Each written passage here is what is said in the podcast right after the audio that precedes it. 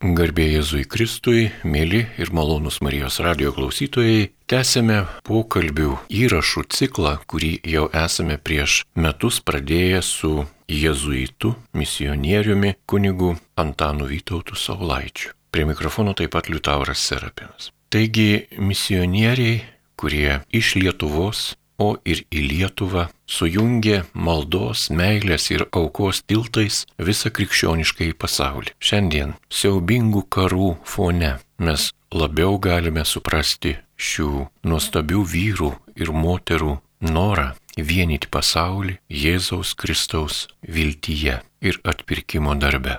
Galima juos šiandien vadinti taikdariais. Tai asmenys, kurie savo gyvenimą aukojo dėl kitų taikaus, ramaus, sveiko, kūrybingo, viltingo gyvenimo. Taigi šiandien, mėly radio klausytojai, Vilniaus studijoje vieši misionierius, jėzuitas tėvas Vytautas Antanas Saulaitis ir aš su juo sveikinuosi, garbė Jėzui Kristui. Per amžius amen. Ačiū už progą pakalbėti apie misionierius. Susidaro tėvė Antanai toks įspūdis, kad jūs tuos kunigus misionierius iki šioliai kažkaip nešiojate savo širdyje, savo tikėjime ir gyvenate kartu su jais amžinybės jau gyvenimą, o ir dabarties gyvenimą, taip?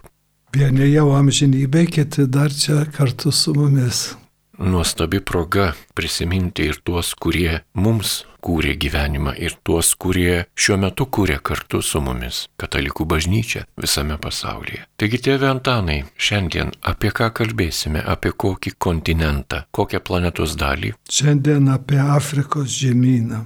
Nuo ko turėtumėte pradėti? Nuo XIX amžiaus vidurio, dar aš nebuvau gimęs, bet vienas iš pirmų Lietuvos jėzuitų buvo Maksimilijonas Rylio, kuris Libane įsteigė, kas dabar yra Švento Juozapo universitetas. Labai svarbi švietimo įstaiga per, kaip mes matome, per 150 ir daugiau metų ir paskui nukeliavo į Sudaną, kur ir mirė.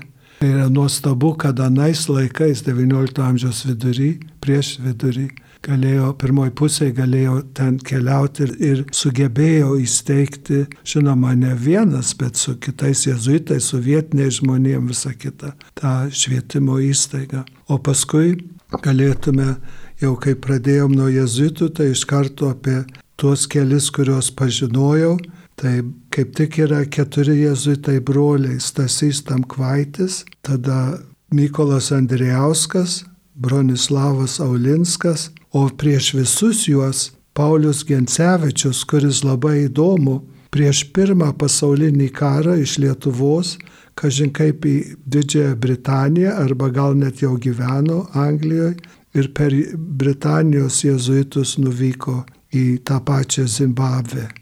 Tai pas mus Čikago, kai aš gyvenau, metus gyveno kunigas brolis Tasys Tamkvaitis ir brolis Mykolas Andriauskas, kai buvo toks kaip ir sukilimas perėjimo iš Zimbabvės į Zimbabvę iš Rodezijos. Ir pagal juos gali pajusti tų kitų gyvenimą, jie visi broliai prie statybų, prie žemės ūkio, Tamkvaitis buvo labiau ūkio žmogus, Andrijauskas labiau statybų ir tokių dalykų techniškų dalykų.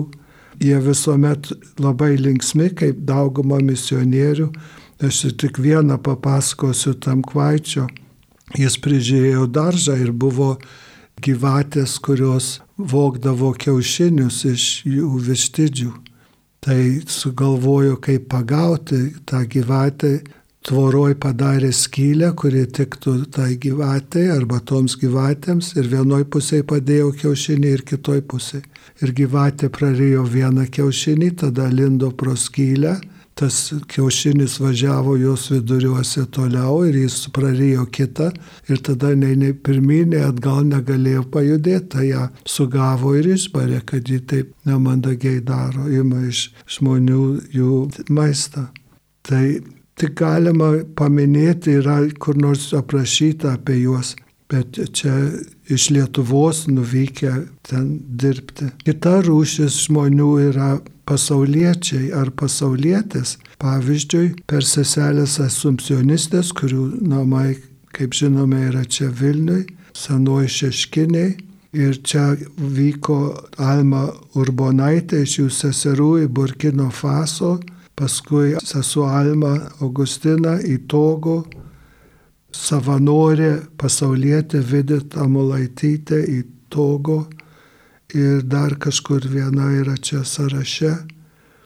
Jos seselių padrasintos vyko į tas misijas, kur jos seselis dirba ir ten yra ta savanorystė tokia, kad nevažiuoja daryti stebuklų vieni, bet su kitais žmonėmis, vyrais ir moterim gyvena tokia bendruomeninį gyvenimą, misijinės bendruomenės, kurie dirba su, labiausiai su vargdieniais, su vargstančiais, su jaunimu. Ir paskui namuose turi truputį maldos laikotarpio bendravimo, draugystės, taip kad nėra iš kitos šalies atvykę ir lyg svetimi, bet tuoj pat priimami į bendruomenę. Ir tada jie savo tą uždavinį atlieka, dažniausiai savanoriauja metams ar dviem ir turi kokį nors su ta pačia bendruomenė, dažniausiai dirba su tai žmonėm, kurie aplinkui gyvena, arba jeigu kur atokiau, tai vis vien nėra taip, kad po visą vietą, bet taip labai tikslingai. Ir aišku, visas tas yra įmanoma, kadangi žmonės, krikščionys, katalikai visam pasaulyje pripratę aukoti misijoms, ne tik misijų mėnesį, bet iš viso remti užsienio misijas būna rinkliavos, bet ir kiti žmonės privačiai kažkokį turi palinkimą ar, ar pomėgį, ar domisi kokia šalim, ten atostogauja, ar dar kas nors kito verslą turi, tai nori paremti vietinius ir bažnyčios įstaigos yra tiek katalikų, tiek kitų bažnyčių yra patikimos ir galima tokiu būdu paremti. Jūs paminėjote laikotarpį, kuriam misionierės skiria savo misiją tam tikroje šalyje ir tai yra metai arba du. Kodėl? Reikia truputį priprasti, reikia pasiruošti, kai kur reikia kalbą išmokti arba pasiruošti kalbą išmokti ir kaip ir persijungti iš, iš tos vietos, kur esi augęs ar gyvenęs ilgiau, labiau suprasti vietinę kultūrą. Ir tada tam tikras ir dvasinis pasiruošimas, nes esi toli nuo draugų, nuo šeimos, ypač jeigu esi studentų amžiaus. Ir tada pabūti ilgiau negu dvi savaitės gali daugiau į tose ilgalaikiuose dalyvauti. Yra daugybė savanorių iš viso pasaulio, kur vyksta, sakysim, per skautus, aš žinau, iš Danijos, važiuoja vyrukai, tokie jau beveik studentų amžiaus, studentų am, ar jaunesni, kurie važiuoja ir tik dvi savaitės būna, bet jie kasa šulinius tai jiem kaip tik jie tam turi savo raumenis, ne tik kažkokiam sportui, bet kasti šulinius ar panašius tokius darbus ir jau yra atliktas darbas per dvi savaitės. O čia tas kitas auklėjimo, ūkdymo, mokymo darbas, bendruomenės subūrimo darbas yra ilgalaikis. Ir todėl paprastai savanoriai dirba su, su vietinė dvasininkija ar seselėm ar kitais pasauliečiais ir dirba kartu visa grupė. Bažnyčia yra bendruomeninė, kaip mes gerai matome.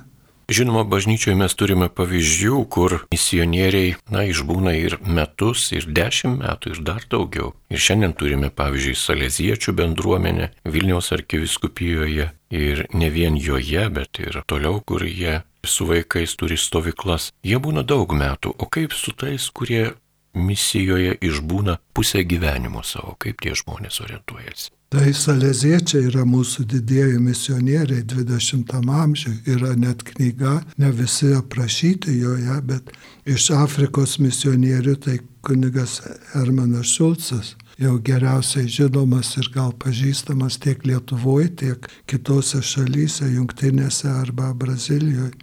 Jis Ruandoje dirbo ir buvo vienas iš tų užsieniečių, kurie buvo tuo metu, kai Ruandai buvo tos žudynės. Tai tokia tragiška laikotarpį, kur jo visa sodyba, jaunimo sodyba buvo sunaikinta, daugybė žmonių išžudyta. Ir jis liko gyvas ir sugrįžo ir atstatė tą viską, jau baisus pergyvenimas. Ir visada su jaunimu mokėjo jis moka su jaunais ir senais, bet ypač su jaunimu įsteigti visokias mokyklas ir kursus įvairiaus amžiaus žmonėm ir kad patys darytų, patys veiktų, ne kaip kokia paternalistinė sistema, bet ta bažnytinė, kuri yra bendruomeniška. Arba šio laikinių žodžių sinodinį mes kartu einame. Ir visada tą sugeba nešiot savo širdį viltį, geriau daryti, geriau sugalvoti, tvirtai laikytis, kad ir labai sunku. Ir taip pat, kadangi yra labai draugiškas, tai turi remėjų Italijoje, Vokietijoje, jungtinėse, kurie tiesiog galva guldo už tą misijinį darbą ir įgalina kunigišką darbą ne tik tai techniškai rinkti pinigus, nors tas irgi yra šventas darbas. Kalbant apie ir prisimenant žinoma kuniga Hermaną Šulcą, kuris Ruandoje išgyveno genocidą, tai ta žodis toks svetimas lietuviui genocidas ir taip toliau, ir mes jį suprantame daugiau politiškai, bet katalikų bažnyčia pasaulyje tą genocidą savo kūnų pajuto. Teventanai ar galime įdėti šio pokalbio metu mažą intarpą apie dabartį? Prašau. Šiandien visi žmonės meldžiasi, mini savo širdimi, tiesiog godoja tą situaciją žydų tautos ir, ir palestiniečių tame gazos žemės ruoželyje, tokiame siaurame prie pat jūros. Manau, kad Palestinoje šiuo metu yra misionierių ir jie yra katalikų bažnyčios moteris ir vyrai, kunigai ir vienuolės, vienuoliai. Kaip manote, kaip jiems ten šiuo metu? Tai galime įsivaizduoti, atsivertus laikraštį ar įjungus televiziją. Yra baisu būti su žmonėm, kurie miršta, žūsta, alksta, net nėra kaip gydyti ir taip toliau. Bet čia yra, palestiniečiai yra ne tik musulmonai, yra ir krikščionys. Tai Betlėjaus, Betlėjuje, sakysim, yra didelė bendruomenė ir kitur. Tai yra yra tragiška, kad žmogus žmogų žudo vietoj, kad viens kitą palaikytų, eit per šį gyvenimą. O tiek yra visokių gamtos nelaimių ir visa kita, o dar čia žmogus žmogui pasidaro priešas ir, ir ne, didelė nelaimė. Jūs paminėjote, jog Palestino žemėje yra, yra krikščionių. Yra krikščionių ir Izraelio valstybėje dabartinėje. Ir ne vienas, ir ne du, jų ten daug. Ir svarbiausia yra, jie yra patys seniausi krikščionys. Ir jų liturgija, ką mes normaliai sakom mišios, jų liturgija yra ta pačia kalba, kaip Jėzus kalbėjo. Su savo mama ir su švento Juozapu ir su apaštalais. Tai yra tiesiog stebuklinga, kitokios truputį apėgos negu mūsų, arba geriau sakyti mūsų, o kitokios negu jų, mūsų Romos apėgos, o tenai yra jų vietinės. Ir yra ir rytų krikščionių, taip sakant, tas nevakarietiški krikščionys. Tėve Antanai, ar daug jūs skaitėte ir žiūrėjote daug reportažų apie dabar šiuo metu savo misijas atliekančius krikščionis Palestinoje ir Izraelyje? Ne, nesu. Kodėl taip yra? Aš to nežinau.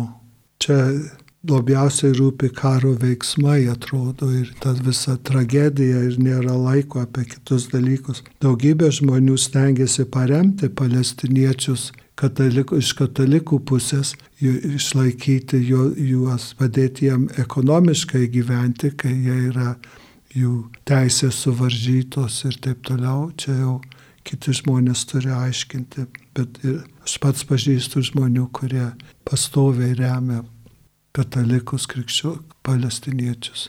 Kodėl tyli? Kodėl tyli krikščioniška žiniasklaida? Kodėl tyli, na, tie žmonės, kurie yra atsakingi už viešinimą bažnyčios? Čia jau ne man sakyti iš Vilniaus arba iš, iš gyvenimo patirties.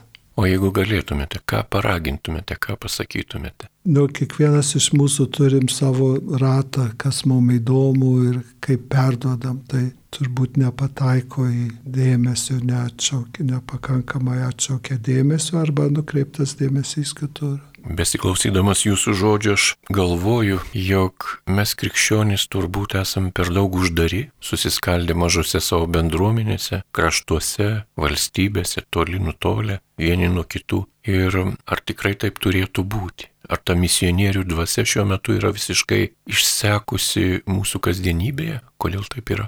Nu, yra daug dalykų. Mes gerai žinom, sovietmetį savanorystė buvo uždrausta ir net baudžiama. Tai ir Lietuvoje tie įstatymai galiojo iki 2000 metų gegužės 12. Tai dabar galim savanoriauti ir Lietuvoje ir žinoma žmonės žino apie platų į pasaulį ir kaip jau minėta yra pasauliečių, kurie išvyko ar ir vienuolių ar seselių, kunigų, kurie išvyko į kitas šalis bet mūsų žvilgsnis nėra toks misionieriškas kaip normalioj šaly, kur dešimtmečius ir šimtmečius buvo kalbama apie misionierius, siunčiami, vyksta ir taip toliau. Todėl ir gera proga čia per Marijos radiją pakalbėti apie lietuvius misionierius, kad čia nėra kokia naujiena ar vairovė, bet vietoj žiūrėti savo į bambą, žiūrėti į visuotinę bažnyčią ir kuo mes galim prisidėti ar laikinai, ar kaip nors kitaip. Ir normaliam pasaulyje jauni žmonės mielai savanoriauja savo šaly ir daugybė, kuriam laikui išvyksta į kitą šalį, geriau sakyti, kitą kultūrą, ką nors savanoriškai, neapmokamai daryti ir tuo pačius lavintis, išmokti kalbą ir visą kitą tą patirtį kitoj kultūroje pabūti. Mėly radio klausytojai, jūs girdite laidą, kurioje apie kunigus ir vienuolės, vienuolius, misionierius šiandien jums pasakoja taip pat kunigas misionierius, jėzuitas tėvas Antanas Vytautas Saulaitis. Jį kalbina Liutauras Serapinas ir tesdami laidą apie Afrikos kontinentą, kuris yra milžiniško dydžio. Jame randame be galo daug iškilių asmenybių, kurios iki šioliai šviečia bažnyčios kupolę nepaprastai ryškia šviesa. Jau paminėjote ir seseris, ir kunigus, paminėjote ir daug šalių. Kaip tęsime šią laidą, apie ką toliau? Aš labai noriu pakalbėti apie Kulbių šeimą iš Junktinių valstijų, iš Čikagos priemeščio, kurie yra penki vaikai - Rūta ir Lukas Kulbiai ir jų keturi vaikai - Laukovas, Lukas, Vidas vasara. Jie nuvyko į Etiopiją metams, visa šeima. Mama dirbo tokioj savanoriško organizacijų vienybei, kaip ir centre, o visi kiti dirbo mokyklose ir kitur, net ir jauniausia mergaitė. Vasarą, tada jį buvo, aš nežinau, gal septyniarių metų. Jis organizavo mergaičių futbolo komandai, tas buvo tokia naujovė Etijopijoje. Ir kiti pagal savo amžių lankė vietinę mokyklą ir užsiemė šachmatų, mokė vienas iš jų vaikų mokė kitus. Mes jiem iš Čikagos apylinkės ir iš kitur jų draugai siuntėm ir visokius daiktus, ir medicinos, ir kitus, ar žaidimams dalykus. Jau buvo visas, visas, visas tinklas, kuris jiem juos palaikė. Ir visa šeima tą atliko ir paskui, kai buvo misijų sekmadienis, Matulaičio misijoje, Lemonte, Tai mes turėjom tokią parodėlę, kur buvo, jie turėjo vieną stalą arba vieną stotelę, kur pasakojo apie savo tą darbą ir kitur buvo tokios pratybos kitiems patirti, ką reiškia gyventi kitoj šalyje ir, pavyzdžiui, tik valgyti ryžius, ne ką kitą ir taip toliau, visokių rūšių, patirti ką nors apie misijas. Tada aš atsimenu iš to savo jaunystės gal buvo Sidrytė ir neatsimenu vardo, irgi šeima, kuri daug vaikų turėjo, į Sudanę savanoriavo, kai buvo ten labai, ne, dabar irgi neramu yra. Tais laikais buvo baisu, mes jai rašydavom laiškus ir labai laukdavom žinios tiesiog, ar ji dar yra gyva. Nežinau, ar vida gal buvo, bet aš pats rašydavau, bet dabar nebeatsimenu, jau tiek metų praėjo iš katalikiškos šeimos jungtinėse. O paskui yra daugybė kitų, kurie trumpai nuvyko į Ruandą arba kokią nors kitą šalį, pabūti kažkiek laiko ir savanoriauti ar, ar per asumcionistės, ar per patys vieni. Aš bandau pagalvoti, kokį čia paminėti žmogų. Yra tokių, kuriuo aš nepažinojau, bet sužinojau iš kitų. Pavyzdžiui, atėjo vienas kunigas Lemonte, juktinėse, ir jo pavardė visiškai angliška, Deivis. Ir jis, kai nakvojo ten, kur aš nakvojau, mūsų namelėje, jis parodė savo senelių santokos dokumentą iš Lietuvos. 20 amžiaus pradžioje ar 19 gale. Jų pavardė buvo Diškevičius. Ir mes nuvažiavom į lietuvišką restoraną prie remonto ir, užsis, ir valgyti ir jis, jis norėjo košytis. Aš galvoju, kas tai yra košytė. Pasirodo, jo močiutė kugelį vadindavo košytę. Jis susidėjo tiek grėtinės, kad aš negalėjau tikėti, aš tiek nesuvalgyčiau. Ir amerikiečiai visiškai nevalgo taip grėtinės šaukštais. O jis kaip geras lietuvių kilmės žmogus sutašė gal du patiekalus kugelio po daugybės metų pertraukos. Ir kadangi dirba su jų vienuolijos jaunais žmonėmis, tai jis čia yra Maryknoll, amerikietiška vienuolyje, tai jis ir juos nuveždavo į tą lietuvišką restoraną. Tai tokie žmogiški nuotikiai apie žmonės, kuris Tanzanijoje tarnavo. O paskui jau į vyresnio amžiaus, kai jau ten nebegalėjo, tada, kaip sakau, prižiūri jų studentus. O čia Vilniaus apylinkiai, tai aišku, mes turim sesę Aušrą Kodytę, pavilniai, pavilnių seselių vienuolynę, kur būna rekolekcijos ir visokie pasitarimai. Ji buvo baisiai pavojingoj vietoj, pasienyje tarp Ruandoje, pasienyje su Kongu. Kaip mes žinom, Kongė tas viskas dėl tų mineralų, kurių būtinai reikia kompiuteriam ir elektronikai ir, ir su moterim jos dirbo ir jei turėjom plaukų, tai mums plaukai šiaušiasi, kai tik skaitai, kad buvo ten žudynės ar koks nors kitas, kad ji tiesiog yra baisiam pavojuje ir savo, ji ir kitos seserys tenai dirbo labiausiai su moterim, kurios aišku yra labiausiai skriaudžiamos. Tai yra ir išdirbo dešimt metų, ruošėsi trejus metus išmokti kalbas ir pasiruoš, ką reiškia būti misionierius, nesi turistas ar turistė, o turi tam tikrą uždavinį. Tai aš labai, kaip pasakyti, stebėjaus, kad tiek metų ruošiasi ir taip rimtai ir išbuvo dešimt metų, kiek, kad, kiek žmogus gali atlaikyti arba kiek yra protinga būti ir vienuolyje perkelė atgal čia ir džiaugiamės, kad labai gražiai tie rekolekcijų namai vyksta. Taigi tęsėme laidą su tėvu jėzuitu kunigu Antanu Vytautu Saulaičiu. Jau daug papasakojote apie Afrikos katalikų bažnyčią, apie ten veikiančius žmonės, tiek pašvestojo luomo, tiek kunigystės luomo, tiek pasauliečius. Apie ką dar galėtumėte papasakoti, kai kalbame apie šį nustabų pasaulio kraštą Afriką, kuri tokia turbūt buvo tik iki antro pasaulinio karo. Tikrai Žemė yra tie šeši ar septyni žemynai ir mes paprastai visą vertinam, visą pasaulį europietiškai, labai suprantama kodėl. Arba jeigu gyvenam jungtinėse ar ten užaugom, mes vėl žiūrim labiau amerikietiškom akim. O žmonės iš Afrikos, Afrikoje žiūri į pasaulį afrikietiškom akim taip kaip kiekvieno žemynų ir jie kitus dalykus mato ir kitaip sudeda tuos visus pirmenybės arba išgyvenimus. Dabar, kai skaitom apie Romoje vykstantį sinodą šiuo metu, tai pažiūrėti pavardės ir afrikietiškos pavardės, kurias net sunku ištarti, kaip ilgos ir ten visokie žodžių dalys, kaip kur kirti įdėti ir taip toliau, visai nežinomos pavardės, ne, netokios amerikietiškos ar kokios slaviškos ar vokiškos galūnės. Visai kitaip yra. Ir jie lygiai taip pat yra bažnyčios da, dalis, negu mes čia, kur esam europiečiai ir labiausiai krikščionybė buvo išplitusi, o dabar krikščionybė auga Afrikoje ir Azijoje.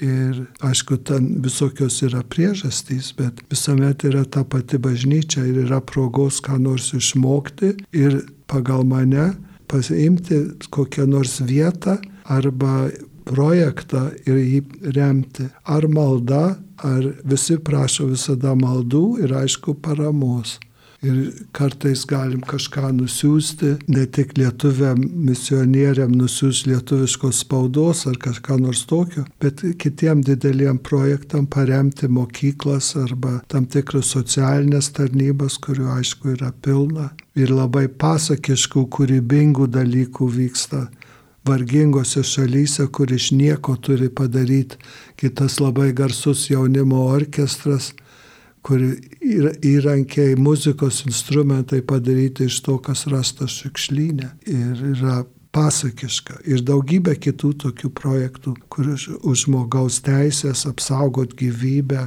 rūpintis naujagimiais ir taip toliau. Čia gali visą dieną pasakoti. Gal dabar galėtume žvilgėti ir į lietuvius, kurie iš autentiškos Lietuvos, būtent iš Lietuvos valstybės, vyko į misijas. Kokie tai būtų žmonės? Tai čia mes turime Alma Urbšaitę, kuri Burkino Faso Faso su seselėm asumpcionistėm išvyko, tada Vida Vilma Tamulaitytė irgi į Togo nuvyko, aišku, sesuo Alma ten pat Toge buvo.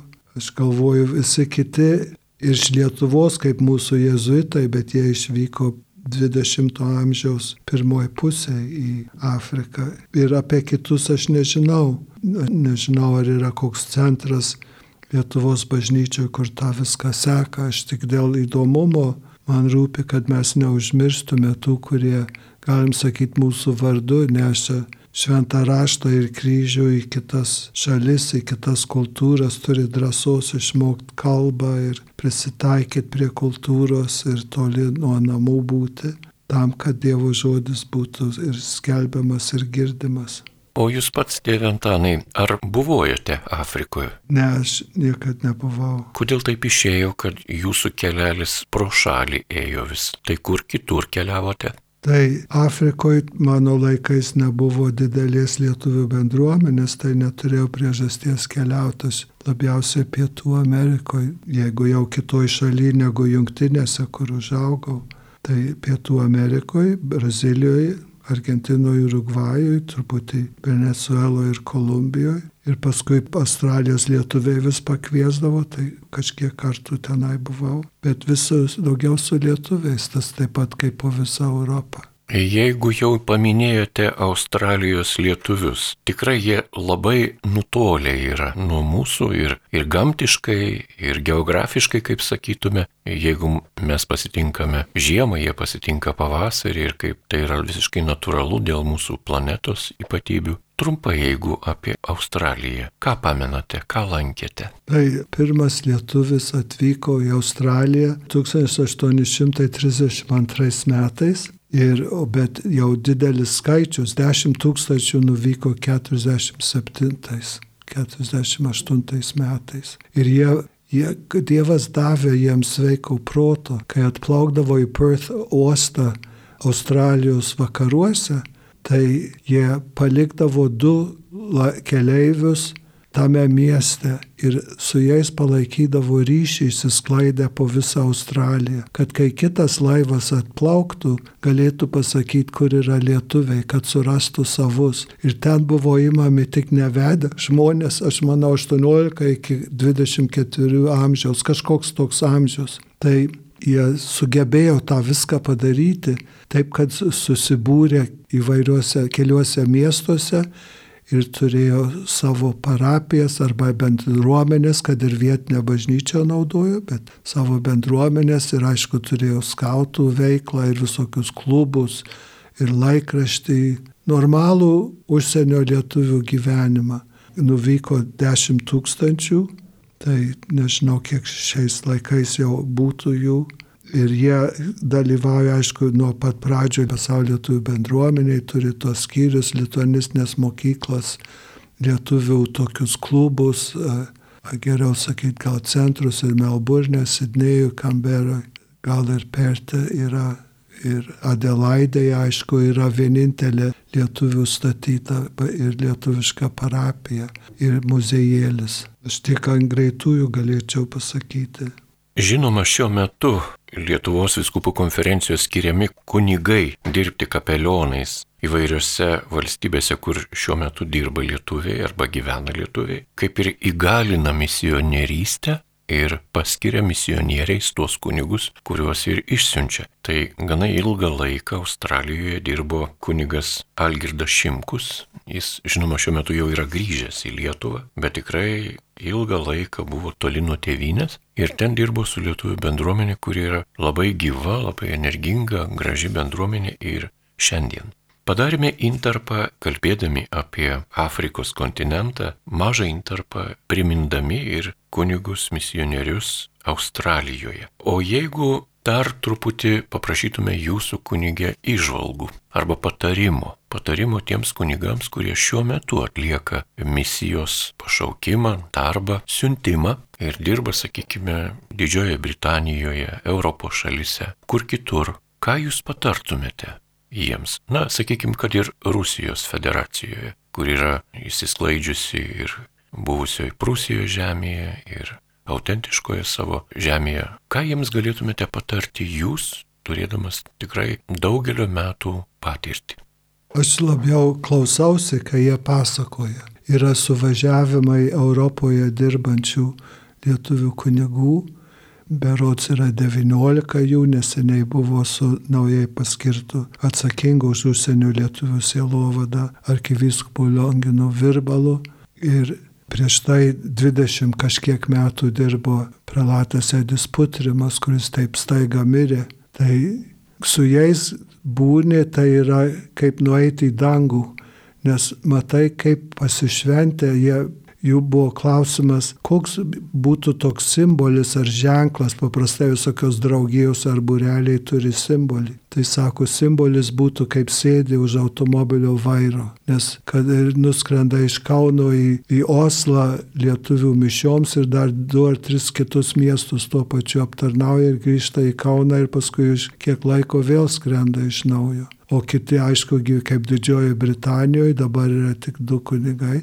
tai vienas lieka namie Londone ir tada kitas važinėja po kitus, paskui jie apsimaino, kad ne visą laiką ten pat. Ir ten yra tiek daug lietuvių kilmės žmonių, kad lietuvių iš Lietuvos, kad ten gali kažin kiek turėti ne tik kunigų, bet ir kitų sielovado žmonių, kurie dirbtų su jaunimu, šalia vietinių savanorių, aišku. Tai turi sądaros, aš visada manau, kad kiekvienam jaunam žmogui būtų labai gerai patirti kitą kultūrą, nebūtinai bažnytinėje aplinkoje, gali ką nors kitą, ypač socialiniai srity galima pasireikšti ir kažką išmokti, pamatyti, kad dar mūsų maža kuklė aplinka nėra dar pasaulio stebuklas, o yra visas pasaulis žmonijos, kur galima dalytis tuo, ką mes turim.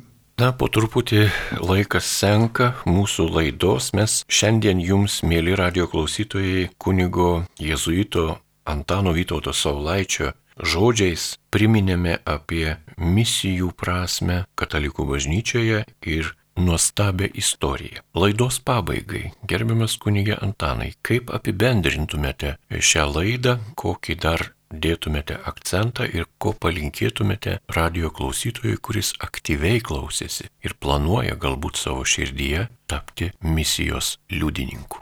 O čia labai gerai pasakėjai, kad misijos liudininkų tai yra nebūtinai nukeliauti kažkokią šalį, bet at, kai mes vakare dėkojam už dieną ir visą kitą, melžiamės už pasaulį, tai už tuos, kurie, kurie kitose šalyse, ta, ypač kur yra vargas, kur yra sunku, kad už misionierius, už misijas prisiminti, skaityti, jei kur nors būna parašyta ar pasakojama, arba lankosi kas nors ir kviečia. Atsiminti visuotinę bažnyčią, kad mūsų bažnyčia nėra tik tai mano bažnytėlė čia ir mano parapija ir mano klebonas, bet yra visuotinė bažnyčia. Mes kartu tam moderniam pasauliui, labai kintančiam pasauliui, stengiamės gyventi pagal Jėzaus mokymą ir krikščionių pasaukimą.